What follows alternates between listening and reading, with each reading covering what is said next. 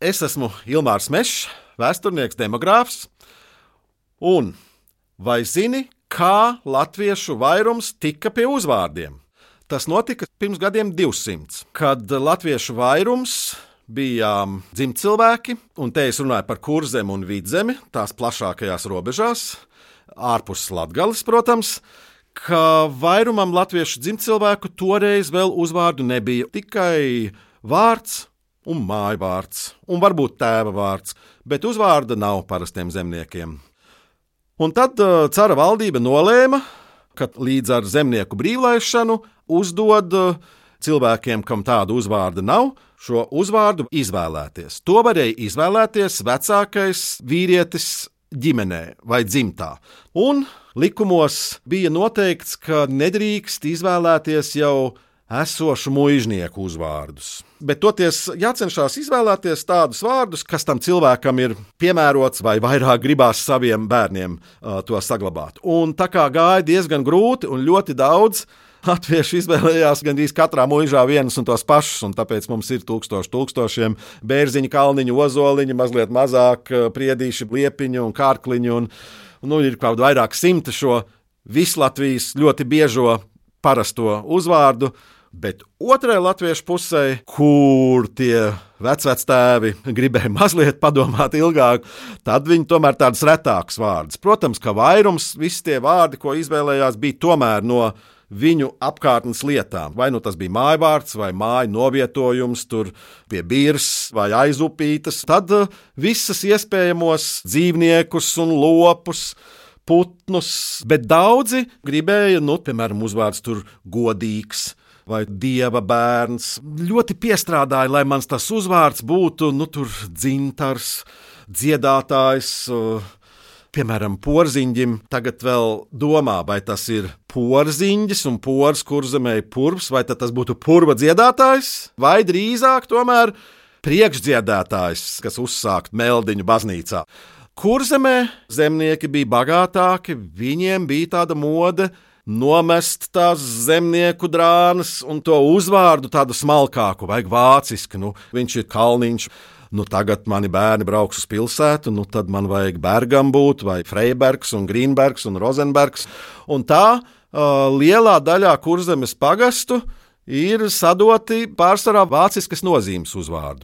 Bet vidzemē diezgan daudz bija vienkāršu cilvēku, un tāpat arī lejas kurzemē no vienas vietas ir uh, viens vārds pa otras skaistāk. Un pie tam dažreiz vēl ir tādās nu, izloksnēs, kas šodien vai nu jāsāk uh, kasīt galvu, nu, nu kāpēc ir izvēlēts uzvārds tur pauts vai zilpaušs vai mauceklis vai dibens. Tie visi ir reāli uzvārdi. Daļai no viņiem ir bijuši cita nozīme. Pauts tā ir ola, Pirms simts gadiem tas bija vēl drukātai latviešu presē pierasts vārds.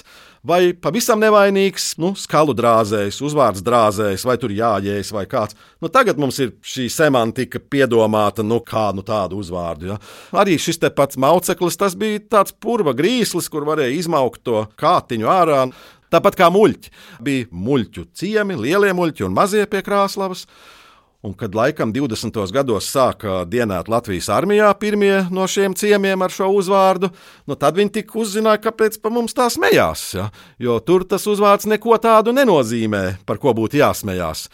Nu un tā, pa šiem simts gadiem to muļķu vēl pēdējie vecīši laikam ir jau aizgājuši. Neviens vairs negrib šo uzvārdu saglabāt.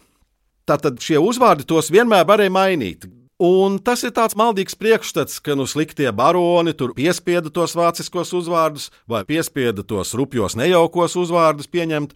Drīzāk tie būtu bijuši tādi mazliet pašpuikas, kas drīzāk tiem kungiem ieriept gribēdami, ir pieņēmuši tādu uzvārdu, ko negribās pašam izrunāt, jo toreiz jau tas uzvārds bija nu, kaut kas pilnīgi nevajadzīgs uzspiests. Un dažās vietās ir vērojama, ka tomēr ir kaut kāda ironija bijusi. Piemēram, pie Kuldīgas viens no rakstvežiem, skrīveriem, kārtējam zemniekam prasīt, kāds nu tad bija tavs uzvārds? Atbildēja, nezinu. Aha, Jānis nezina. Kāds bija tavs uzvārds? Nebija. Jānis nebija. Tāds uzvārds. Vai tev uzvārds bija? Bija. Nu, tad uzvārds bija.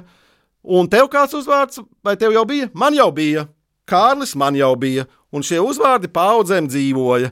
Vēl tagad ir nezinu, un nebija. Tādi vēl daži līdz mūsdienām saglabājušies. Nu, dažās mūžās ir rakstvedis jaunām sievietēm iedevis tulpe, un neļķe, un roze un vizbulīte, un vecāka kundze laikam negāja tik labi nātre. Un arī visinteresantāk ir dikļos, kur dažus gadus pirms tās uzvārdu došanas bija uztaisīts teātris. Zemnieki spēlē uzveda to šileru laupītāju, tādu lugu. Daudziem zemniekiem bija sava loma no tiem laupītājiem. Un tur kādi seši, septiņi no tiem šileru laupītāju uzvārdiem ir iegājuši dikļu uzvārdu ruļļos, un vēl šodien ar šiem lugas laupītāju uzvārdiem vēl staigā neviens vien dikļu izcelsmes cilvēks.